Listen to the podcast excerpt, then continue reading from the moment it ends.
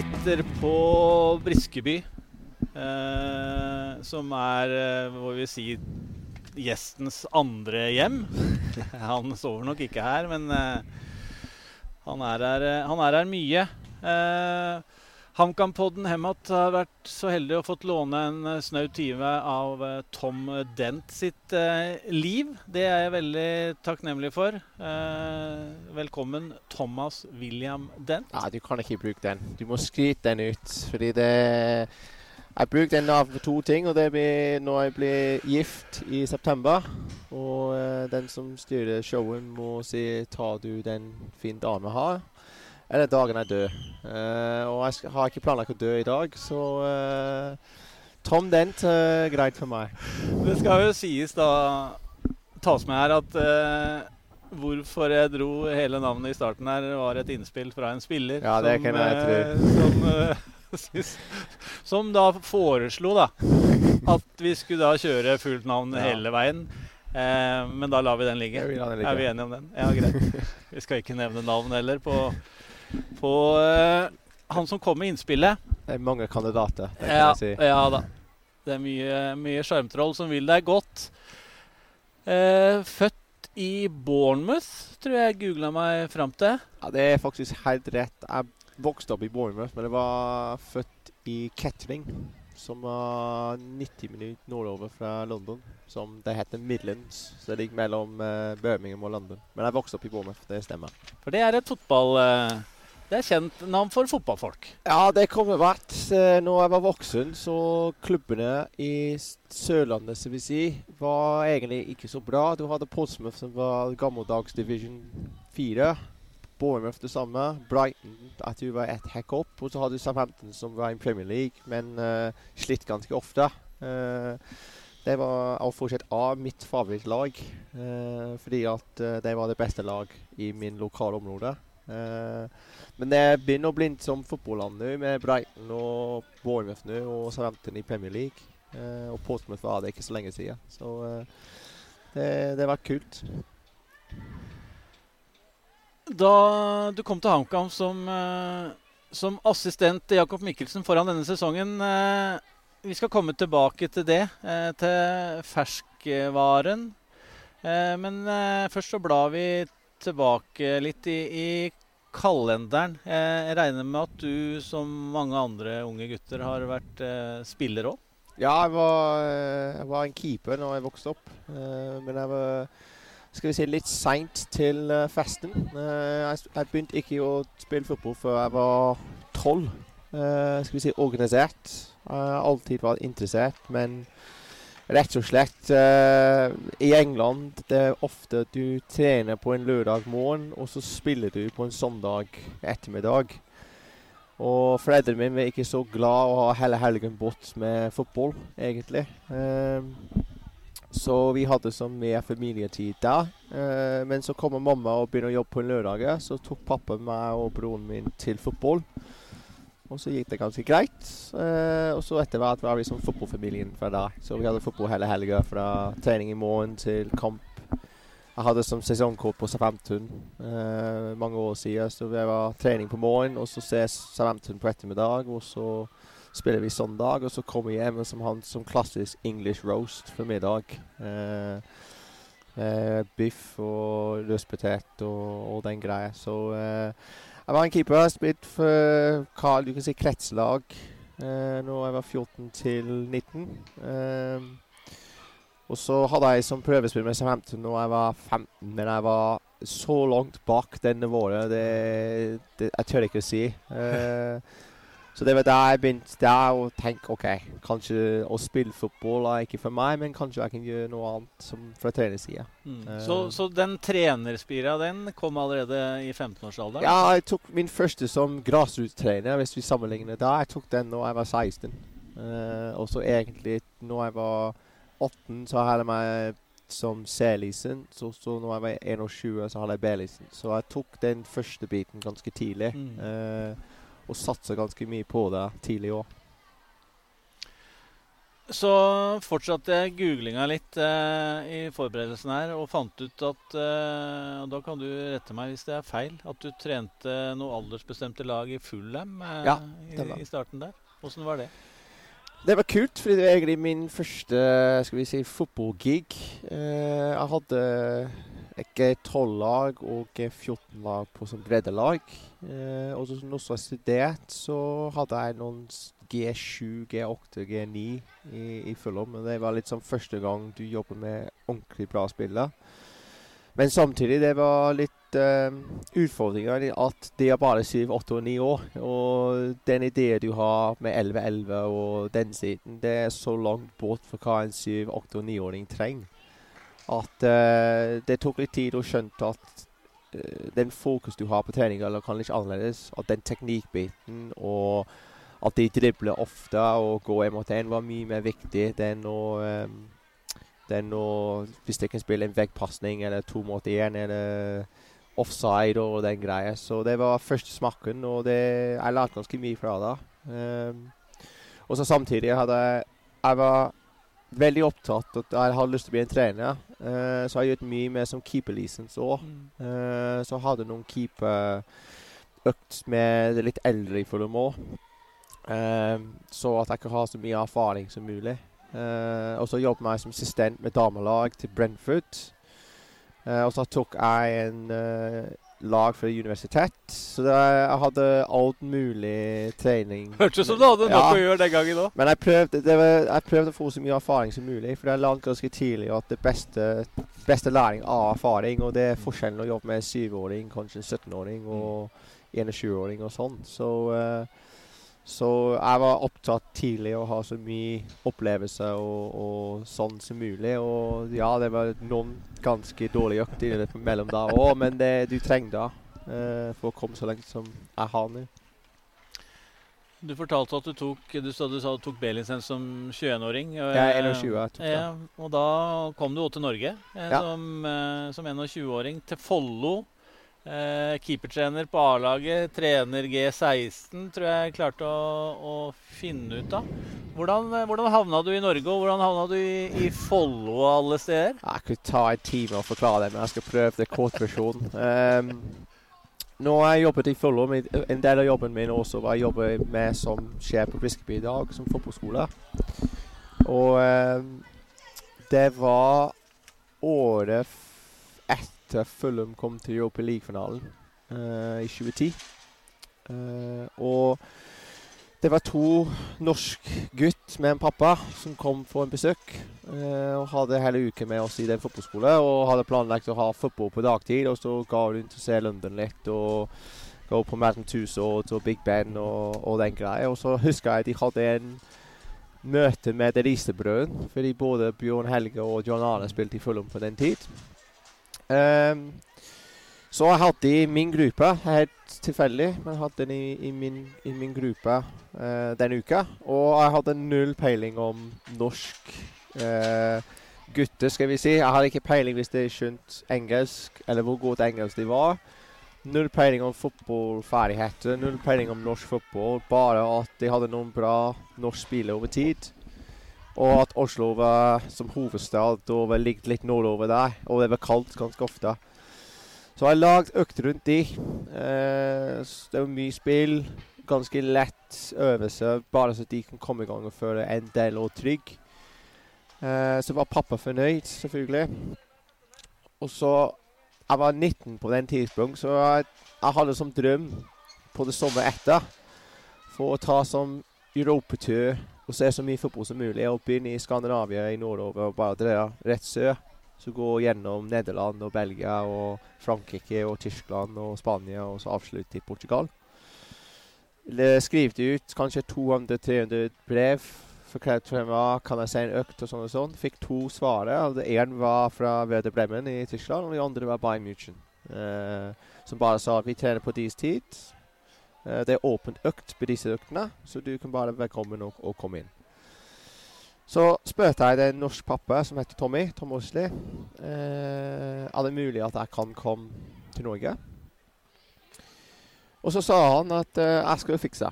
så hørte jeg ingenting før kanskje to måneder. Og så fikset han en to ukers program. Hvor vi var inn med Vålinga med Martin Andresen. Uh, vi var med Stabæk Dammer, som er det beste laget i, nord, i Skandinavia på den tidspunkt. Hadde Lise Klavenes som spiss, og uh, Roger Finjo som var hovedtrener. Uh, det var Rani Deiler med Godsa. Henning Børg med Lillestrøm. og så til slutt tok vi inn den lokallag som heter Follo. og det var i 2011, så det var sommer etter den cupfinalen på Ullevål. Og det er en 3-2 etter ekstratid etter omgangen mot Rosenborg, eh, som alle som er gamle nok, husker. Så jeg var med en kompis, og vi hadde to uker i Norge. Første uke med masse fotballbesøk, og så andre uke var Norway Cup. Og vi, vi dratt ned da, så Tommy sitt lag Nordby. Eh, og så så igjen så mye fotball som mulig. Eh, men i den første uka så follow det siste plass vi besøkte. Og det var en gang med Axel Børgo som ledde akademiet i Brann, og Hans Erik Eriksen som er trenerutvikler i Vålerenga nå. Uh, de to møter oss på klubbhuset. Og så de var det første treneren som spurte meg og Rob, som er med, som sier OK, hvor, hvorfor er du her? Hva gjør du? Hva er drømmen din? Hva, hva tenker du? Hva tenker du om hva vi har presentert? Så det neste uke så var vi i Cup frem til klokka to. Tok vi T-bane og tog tilbake til Ski. Løpt opp til uh, Ski stadion, så treningen klokka tre.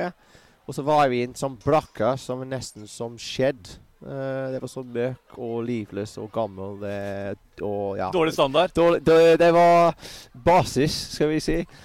Uh, og så hadde vi en time prating igjen. Og så ble Hans Erik ringt opp med fruen hans for å komme hjem. Så kom han hjem. og det var dagen for helt uka, og det var helt fantastisk. Uh, så kommer 2012, og Hugo Perere, som er Ranheim hovedtrener nå, han var ansatt som head of academy på Follo. Så var vi invitert Euro på å ta en fotballskole i vinterferie. Eh, med 100-120 unge fra alle Follo-regionen. Eh, så kommer vi over. Vi var kjempefornøyd. Det tok meg ti sekunder for å si ja. Jeg har ikke tenkt om språken og hvor kaldt det var og ditt og datt. Bare gå rett dit. Så holdt vi kontakt. Eh, og så var jeg ferdig med universitetet i 2012. Uh, eh, og så var jeg så heldig å være tilbudt en G14-lag, som det var, eh, og fotballskole i, i, Norge, fulltid. Det var første gang jeg var tilbudt en fulltidsjobb i fotball. Så igjen, brukte kanskje 15 sekunder og sa ja. Og så begynnelsen av 2013 var jeg plukket opp fra Gardermoen i minus fem, is på bakken og ekstremt kaldt. Og, og så har jeg blitt hard siden da. Fin historie. Veldig fin historie, Tom. Eh, så, det, så, har du jo farta litt rundt da i Norge. Du har vært i Stjørdalsblink i to perioder. Eh, og oppom Bodø-Glimt i, i, mellomtida der. Eh, som spillerutvikler, tror jeg ja. fant ut at det var. Tatt hele turen i Norge. Begynt i Oslo, og gått nordover. Ja. Og så er jeg på vei sørover igjen. Og snudde du ja. på et tidspunkt. Ja.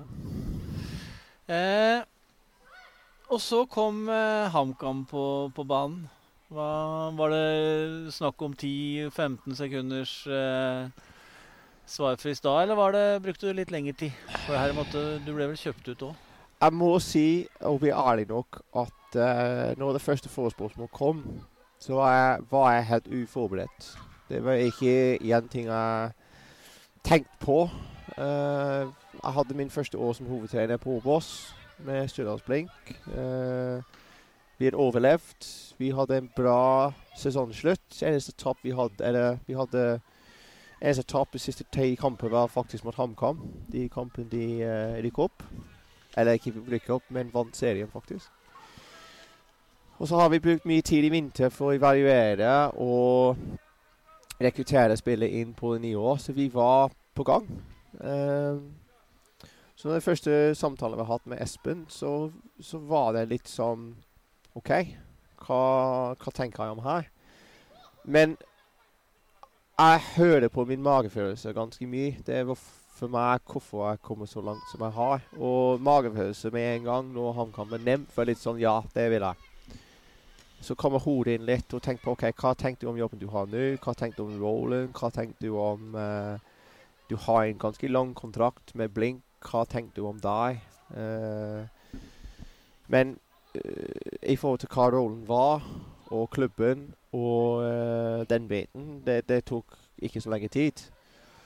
Så må jeg gå hjem til snart kona min. Og hvis jeg sier sånn, hun er ikke like fornøyd når jeg fortalte henne at jeg har fått en fått en forespørsel om å, gå til HamKam. Vi har akkurat kjøpt en hus seks måneder før. Uh, og hun var ganske fornøyd med huset og livet som det var.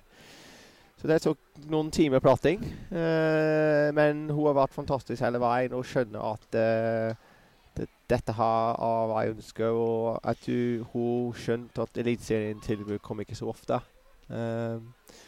så for meg det, det, tok litt lengre tid å gå gjennom den prosessen, men tankegang tok ikke så lenge tid egentlig.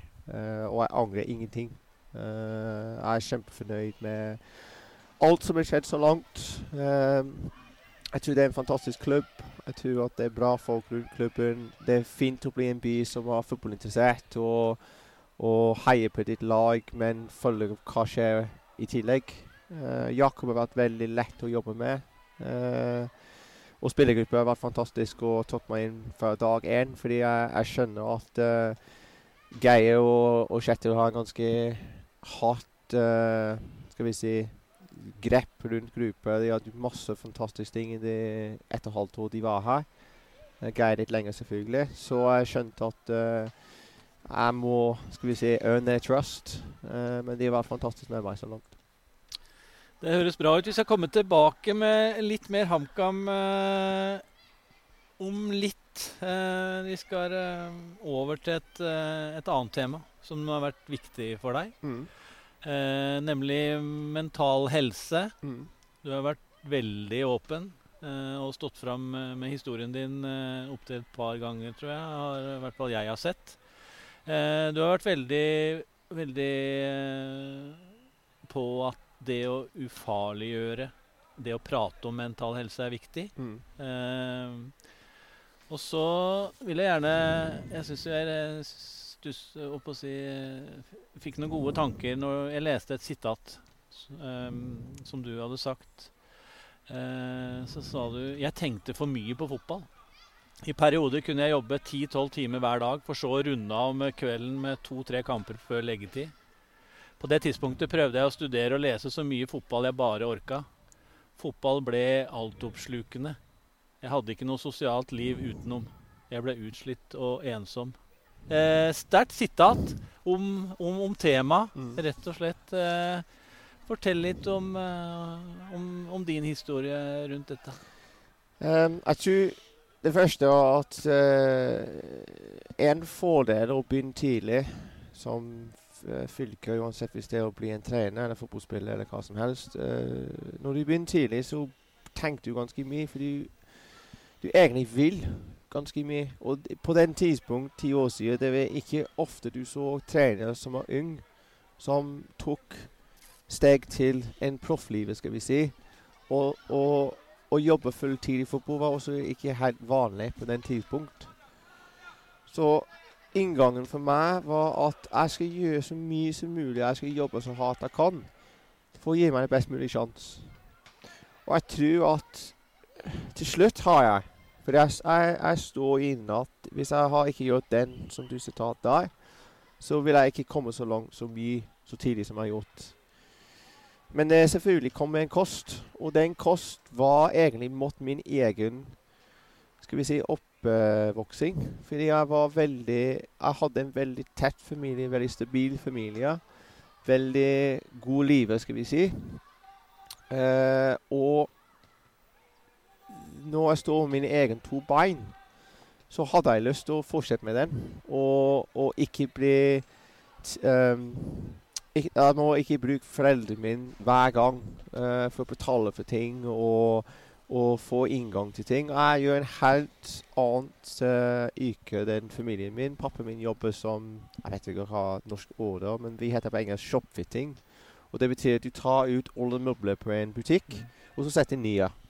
Uh, og han har gjort det for mange mange år. og Har egen uh, selskap. Og broren min jobber som interior designer, så gjør det som tegning og sånn. Og mammaen min er bra med økonomi og, og uh, bookkeeping og den greia. Og selv om at både foreldrene mine var veldig aktive som folk, så var det ikke som sportsfamilie da. Som jeg nevnt tidligere, familietid var viktig, og å gjøre ting som fire var viktig. Så når jeg var én, så hadde jeg lyst å gjøre alt jeg kan for å få den mulighet. Eh, fordi jeg vil den så mye. Og til slutt var det for mye. Og det er veldig sammenhengende med en, en juniorspiller og, og eh, de som har så mye lyst, men vet ikke egentlig helt hvordan å komme dit. Eh, så fant jeg ut at jeg treffer en vegg ganske hardt. Uh, at jeg må ta en steg tilbake. Evaluere litt og finne ut hvis det er en bekostning å jobbe så mye som jeg liker å gjøre, var det verdifull. Fordi jeg har som sagt jeg hadde en kjæreste, og jeg hadde masse fine opplevelser med henne òg. Og vil bruke tid med henne. Og jeg tipper hun hadde lyst til å bruke tid med meg òg, men hvis jeg ikke er tilgjengelig så, Og tilgjengelig betyr ikke at jeg er hjemme, men tilgjengelig betyr at når jeg er hjemme, så faktisk tenker jeg om andre ting enn fotball, istedenfor hvilken samtale må jeg ha i morgen. Eller skal jeg se den kampen? Og, og i det Champions League-kampen i kveld, så må jeg se den og faktisk se på den, ikke ha den i, i baklyder. Så det var en fin læring for meg som jeg trodde jeg må gå gjennom for å komme så langt nå. Fordi hvis den veggen var treff seinere, så tror jeg det ville vært fotball ferdig. Uh, og er ekstremt komfortabel med min egen tanke nå. Uh, fordi jeg vet signalet OK, nå er jeg litt uh, overkokt, skal vi si. Så må jeg gå og gjøre noe annet. jeg egentlig liker ikke å trene, men jeg gjør det da for å få litt pust i mellomtid og, og tenk. Uh, jeg liker jo Musikk betyr ganske mye for meg. Jeg liker jo lage mat, selv om jeg gjør ikke så ofte. Uh, så jeg fant andre ting ut. Og, og jeg har faktisk tatt bort en Tom Dent som fotballtrener, og det er meg. Jeg er Tom Dent. Og en del av meg er en fotballtrener. En del av meg er en hyggelig fyr, skal vi si. En del av meg er kjæreste til Maria. Um, og jeg, jeg aksepterer det. Uh, men det tok lang tid for, for, å komme dit. Du har jo fortalt litt om, om, de grepa du tok nå. Uh, for uh, sånn som jeg skjønte, så engasjerte du mental trener. Mm. Og det var, det var, det viktigste. fordi det var At det var en mental trener med faglig kunnskap, det er én ting. Men at jeg fast hadde tidspunkt og sett tid borte fra dagen, skal vi si, mm. og prate om det. Hva føler jeg? Hvorfor gjør du sånn? Hva tenker du om det? Hvorfor gjør du sånn? Hvorfor, eller hvordan reflekterer du om den situasjonen? Uh, fordi det var en som stilte meg et ganske kritisk spørsmål.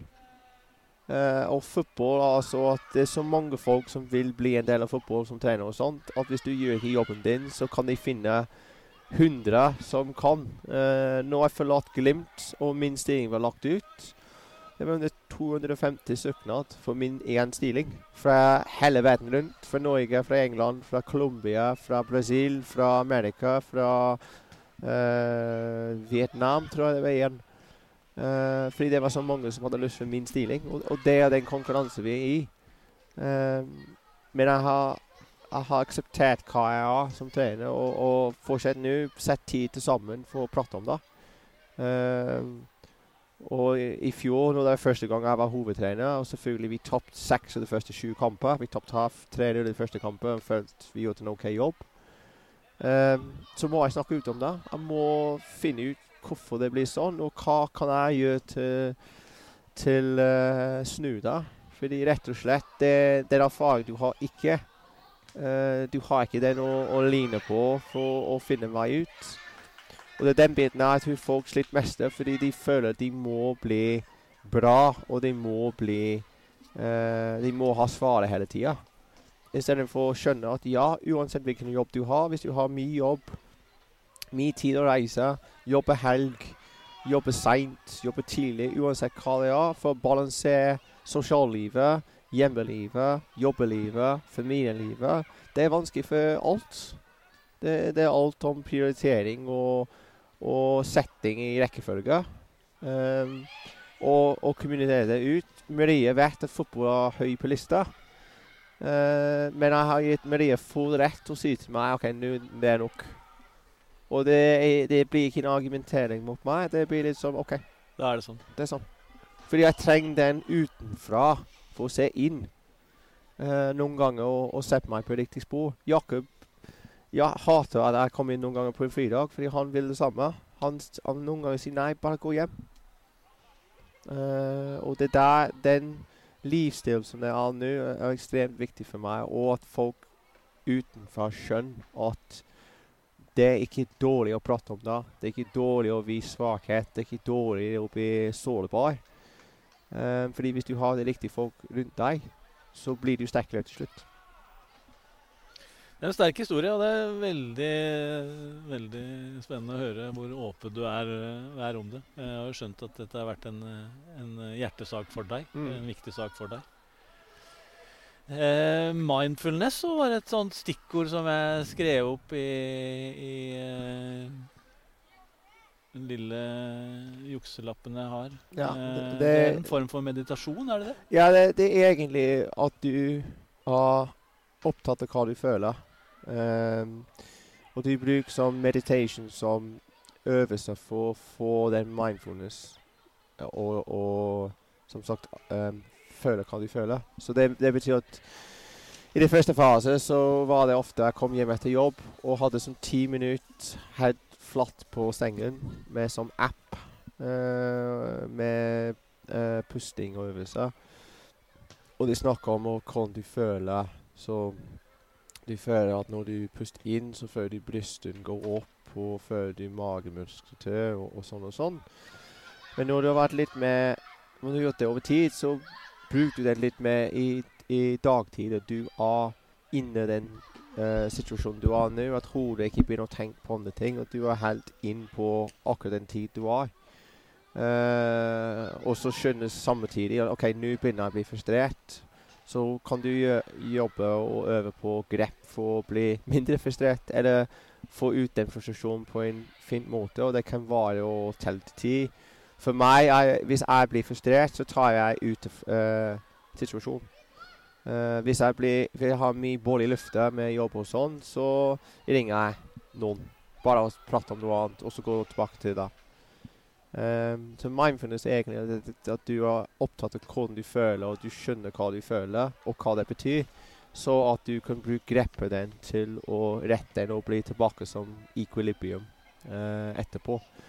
Uh, det, det, det er viktig uh, kunnskap å ha når du er rett i midten av kampen, og dommere som blåser feil vei, og med feil kommer på banen og sitter og sånn. Jeg har vært mye bedre å håndtere den frustrasjonen. Noen ganger det er spontant, det er helt naturlig, men når ting går mot oss, så bruker jeg den for å, for å holde seg i fokus på hva er viktig. Eh, Og det er laget på banen, hvordan det er presterer, og, og hva kan vi gjøre fra sidelinjen for, for å snu den trenden. Vi prata litt på veien opp her om eh, hvordan eh, du syns det var å lære norsk. Mm. Eh, at du sa det var eh, lettere å lære muntlig enn eh, enn det å skrive norsk, Mm. eh, skjønte jeg. Vi kan eh, fortsette litt i samme sporet. Eh, hva er statusen på søknaden om norsk pass?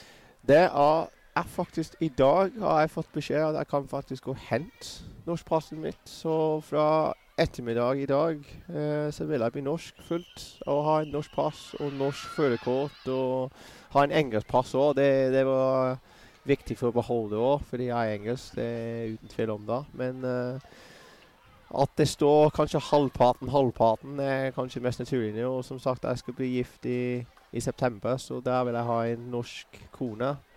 Så det blir nesten 50-50 nå mellom norsk og, og engelsk. Og nå følte jeg det var bra timing på spørsmålet om, Ja, det- eh, om det- pass her. Hvis det var god research, jeg vet ikke, men det var, det var bra gjort uansett.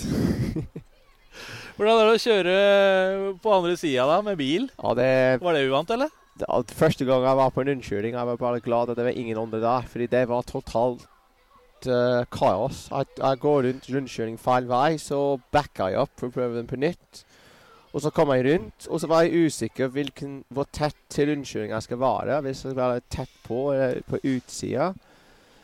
Eh, så nesten krasjer på utgang, eller på exit, fordi at eh, jeg tok feil vinkel inn. Eh, og så første gang jeg kjørte på feil side, så hadde jeg broren min fra England og en som jobber med follow inn bilen med meg. Og broren min var livredd, og den som var for follow, var bare syntes det var morsomt. Så eh, Det var ikke noe støtte på det. så det var bare støtte, ja. Eh, men nå er det faktisk vanskelig å gå hjem. Jeg er så vant til å kjøre på Jeg vil ikke si det rett side, men det venstre side. Nei, høyre side, unnskyld. Venstre side bilen. Eh, at det er vanlig når du går tilbake til England og blir på det høyre side bilen, venstre side veien. Eh, så rundkjøring er alltid vent. Se på hva andre gjør først, og så gå. Og så samme når du har som junction, det er det samme. Jeg må se hvilken side av veien ID før jeg går ut, så jeg ikke går på feil side av veien. Og uh, hvis du um, Milton Keynes, som er en time over fra London Det er ganske um, uh, kjent i England å ha en by som har mest rundkjøring i England. Nei, uten rundkjøring, unnskyld. Mest som junction. Og jeg var der en gang, og så snudde jeg inn. Jeg var med broren min igjen, faktisk. Og så går jeg opp veien, og så plutselig kom en, en mann løpende ut til en restaurant som var til sida, og så bare så på meg. Og så skjønte jeg med en gang jeg var på feil side av veien her. Jeg har gått opp feil vei. Og så var det som um, uh, Hva heter det Balkong, um, Betong til sida, så jeg kunne ikke bare snudd. Jeg må egentlig bakke opp på feil side. Gå rundt på den uh, junctionen igjen, og så gå inn på riktig side. Og det var, trott, det var bare flaks. Det var en sånn dag, og nesten ingen rundt. For hvis det var midten av dagen, det ville vært på TV og på aviser at en mann går gått feil. Riks, riksnyhet. ja, det blir, det blir kjent. Så uh, Nei, det, det kommer seg etter hvert. Og uh, min nye fortsett er bare en passelig kjører. er ikke det beste, men eh, jeg har så langt ikke krasjet, så eh, vi tar den. Det må være bra. da. Ja, ja. Jeg tror, Jeg, jeg må innrømme også, vi har ingen is i England, så vintertida er litt spesielt. Og det, det føler jeg ikke trygg i det hele tatt. Men uh, vi har en bil som har pigs in our decks. Uh, Piggdekk, så uh, det hjelper litt. Det er trygghet. Det, det har jeg òg. Jeg tør ikke å kjøre med noe annet. Så, og jeg har bodd her hele livet. Så ikke ta det som noe, ikke ta det som noe nederlag at du har piggdekk. Nei, det vil jeg ikke. Eh, sånn som jeg skjønner og hører deg, så virker det som du har lagt en, en framtid i Norge, da. Ja, jeg har sagt når jeg ja, først kommer til deg jeg tipper på i en eller annen tidspunkt så, så skal jeg til England igjen. Jeg vil ikke si jeg har stor ambisjon å jobbe i England, uh, fordi jeg jeg- jeg har bevist og sett at det er fotballivet utenfor Premier League og for andre steder. Selvfølgelig det er kanskje ikke betalt så godt, men for meg eh, opplevelser og ting da er bedre enn eh, hvor mye du betalt, selv om at å ha mye penger hjelper.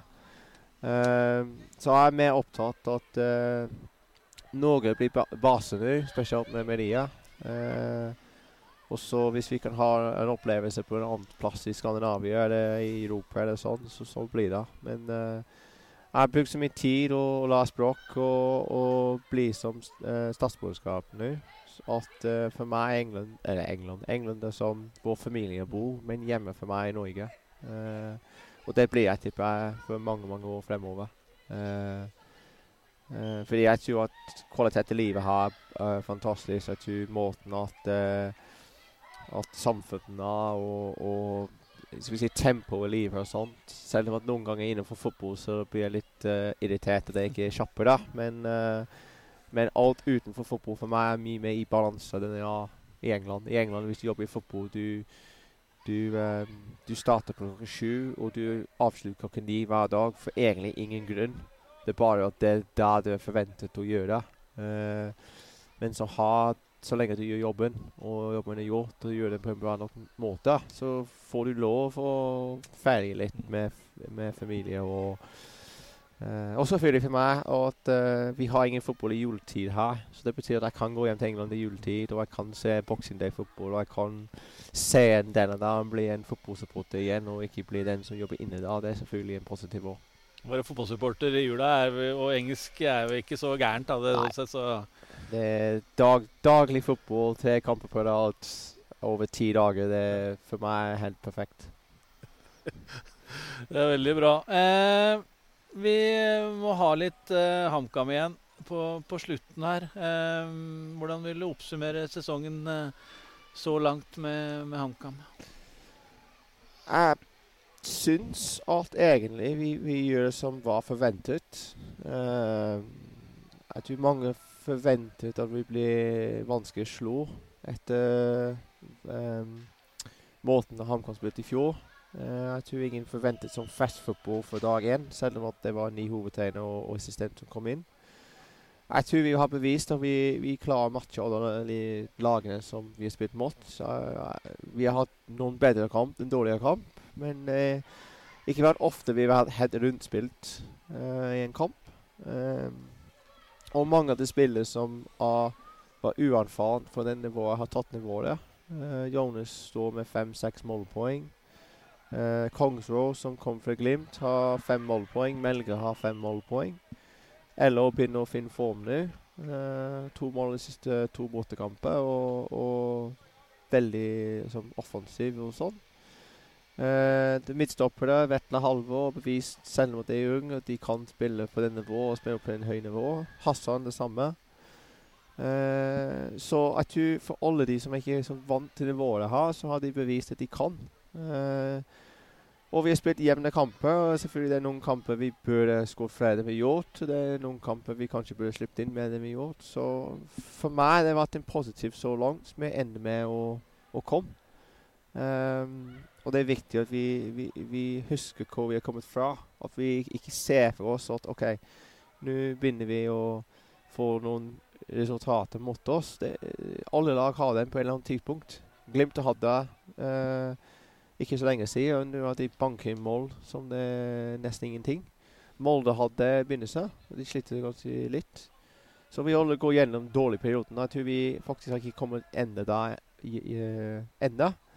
Uh, men vi har mye å gå på. Vi har mye å forbedre oss til. Og det er der vi jobber på hver dag for å gjøre det. Inkludert Mar Jakob. Vi er både nytt på Eliteserien. Vi har hatt en helt runde nå med alle dagene, så vi har litt mer kunnskap om hva, hva de kommer med, og, og opplevd uh, i tidligtid på 17, uh, 16. mai, som var en helt fantastisk opplevelse. Og vi har vært på Løkendal, og vi har vært på Stavanger. og vi hadde Glimt-Han, og vi spilte en ekstremt god kamp. Vi hadde Rosenborg-Han, og vi spilte en ekstremt god kamp. Så for meg vi er som vi er, uh, med sjansen for å forbedre det enda bedre.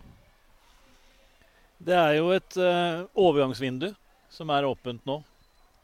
Markus Pedersen kom inn portene dagen før eh, den poden her eh, spilles inn. Eh, jeg må nesten spørre deg litt om hva, får, hva kan HamKam få med, med Markus Pedersen inn her?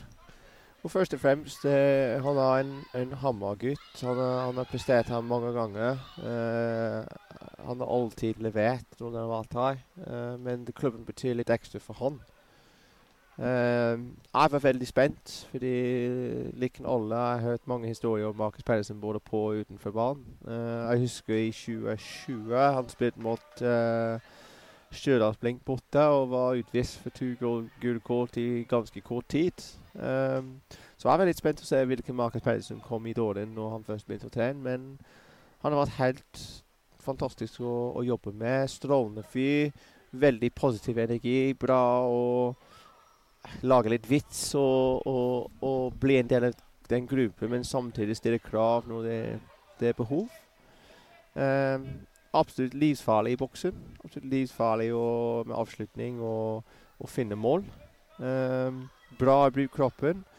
Og jeg tror igjen han, han trener litt skritt, fordi eh, for en mann som ikke har spilt fotball i nesten ni-ti måneder, han er i en ganske OK shape. Han har trent godt i den perioden han spilte ikke fotball. Uh, og han har tok vare på den muligheten han fått å trene her. Uh, så HamKam fikk en, en, spiller som har gjort alt på en veldig høy nivå. Uh, som banker ganske mye for klubben og, og gir oss den kanskje litt ekstra som vi har manglet noen ganger. Og, og gir oss den muligheten å, bruke Jonas og Pål og, og gjøre på en litt annen måte noen ganger. Fordi vi, vi må se spesielt for Jonas og og det er spådd veldig mye. Uh, Så det er flere muligheter vi kan ha med den kvaliteten han har. Det, det er mer sjanser vi har. Nå skal du få lov eh, å ønske deg eh, noe. Hvis du da hadde skulle stått fritt, masse penger, positive spillere rundt omkring. Eh, vi skal ikke gå på navn, men hvilke posisjoner kunne du sett for deg at HamKam kunne forsterka dette vinduet her? For meg det, det spill det er viktig å forsterke noen posisjoner. Vi, vi skåret 19 mål i, i åtte kamper, så det er enkelt å peke på at vi, vi kunne hatt én på den angrepsrekka. Um, men samtidig jeg tror det er mer om at vi får kvalitet og noen som vi har ikke foreløpig, som kan gi gruppen noen. Og, og, det viktigste er egentlig at de, de må passe inn i gruppa. Um, kunne, det, det, er mange som tror at dette vi, vi solgte Eriksson, at vi plutselig har masse penger i kontoen og vi kan bare bruke den til hva vi vil. Men realiteten er at uh, Espen og klubben bruker den pengene som den egen. Uh, og vi vil ikke bare bruke penger fordi vi har den penger. Uh, vi må bruke dem på en fornuftig måte som vi føler gir oss noen. og gir oss noen bedre enn annerledes så kan vi ha allerede. Så hvis jeg kunne ønsket, så ville jeg hatt Lewandowski eller Ronaldo eller noen som kan putte inn mål til slutt. Uh, men jeg er usikker hvis de Jeg vet ikke hvis Ronaldo passer inn på garderobenkontoret som vi har her. Uh, Han hadde nok ikke lært seg norsk så fort som du? Nei, kanskje, kanskje ikke. Og vi har en godt hardarbeidende lag, så hvis det, det, kan bli noen spørsmål på Ronaldo der. men for meg, jeg føler at f.eks. en Kobe har vokst og blomst ganske mye i løpet av året. Uh, Eddie har hatt noen bra innhopp. Uh, han kom inn mot Glimt og gjør en fantastisk jobb. Klemmer har hatt noen bra innhopp. Så det er ikke at vi har en dårlig stall. Uh, men hvis vi skal forsterke noen, så må vi forsterke noen som vi har ikke gjort dette. Og til bare å avslutte en punkt Vi kan ikke finne en ny Christian Eriksen. Det går ikke. Uh, han var Han var en fantastisk person, først og fremst. Og var, det var mange som sier han var hjertet på laget. Det er jeg uenig i. Jeg tror han var soul.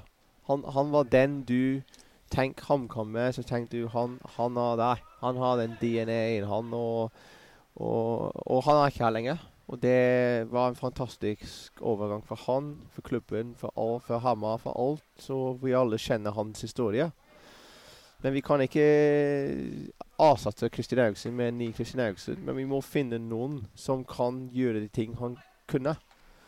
Uh, og det er der som jeg vet Espen jobber veldig mye med, og Jakob jobber veldig mye med, og jeg jobber noen ganger med. Um, fordi det blir det viktigste. Vi kan ikke bli ingenting annet enn HamKam. Hvis vi prøver å bli Bodø-Glimt, så mislykkes vi. Uh, vi må være ved HamKam, og HamKam lykkes med et lag som jobber tett sammen. Vanskelig brytende, uh, hardtarbeidende og liker egentlig å bli den litt underdog. Uh, og overbevise og overraske litt. Uh, så vi må finne spillere som passer inn på det. Siste spørsmål. 13 kamper igjen. Hvor mange flere poeng tror du dere trenger for å være på sikker grunn? Jeg stiller en spørsmål tilbake. Hvor mange poeng tror du vi trenger? Som medie... Oh, det syns jeg er vanskelig. Ja. Eh, jeg har sett på noen tabeller tilbake, og det varierer veldig fra sesong til sesong. Det som, som er mest utfordrende eller hva skal jeg si, spennende nå, er jo at det er veldig mange lag som ligger i, der, i det derre sjiktet mm. eh, fra, fra 8-9 og ned.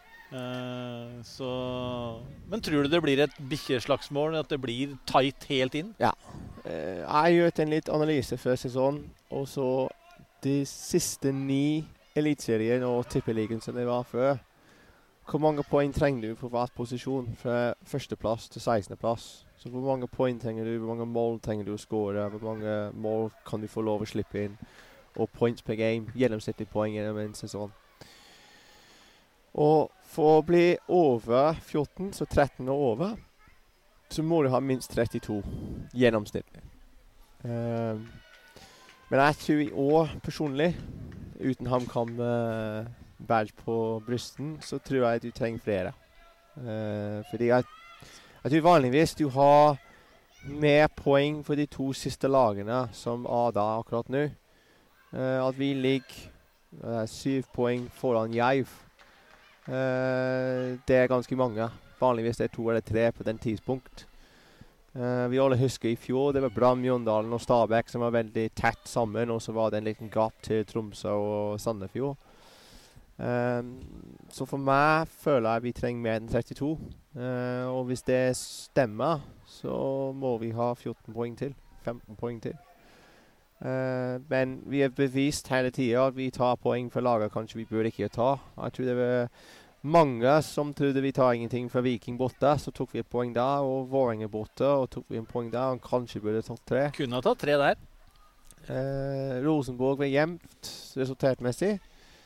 Eh, så det, det, er mange som mange poeng til å spille for. og Vi, vi føler vi tror vi kan ta poeng for alle. Det er inget, ikke et lag som vi er bekymret av.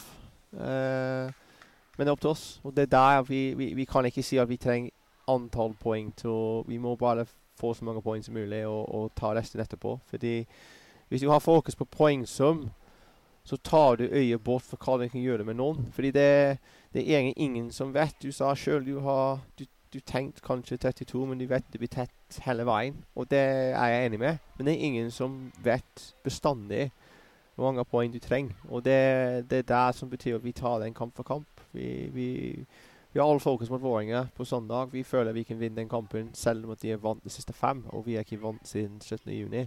Vi føler vi kan vinne den fordi vi har godt forberedt, og vi har HamKam, og vi har den identiteten som vi har. Jeg tipper Vålerenga tenker det samme, at de føler at de kan vinne fordi de er Vålerenga, og de er vant de siste fem. Um, så vi ser til slutt hvem er beste på dagen, og hvem har beste kampplan, og hvem presterer det beste på den dagen. Um, men vi føler vi, vi fortjener så langt å bli eliteserie. Vi føler så langt vi fortjener å bli her neste år. Men hva vi føler og hva vi presterer, er to andre ting. Uh, og Det blir vårt fokus inntil Lillestrøm borte siste serien. Da vi gjør alt vi kan uh, og jobber så hardt vi kan at vi spiller eliteserie neste år. Vi lar det bli eh, de siste orda. Tusen takk for en hyggelig prat, om, om takk, takk. litt forskjellig. Ja, takk.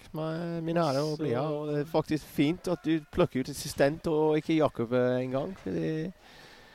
Han, eh, han har gått og pratet, det må han. Så jeg må bare ligge i skygge. Så, det er bra, det. Takk for det. Fint. Ha det godt.